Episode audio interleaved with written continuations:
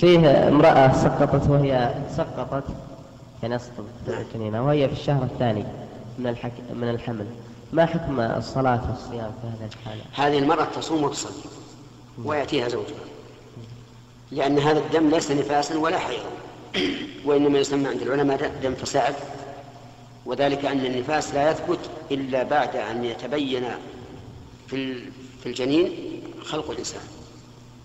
وأثناء الشهرين لا يمكن أن يتبين فيها خلق الإنسان. إلى حد كم يعني شهر؟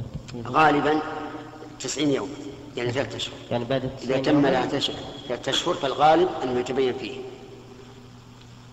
نعم.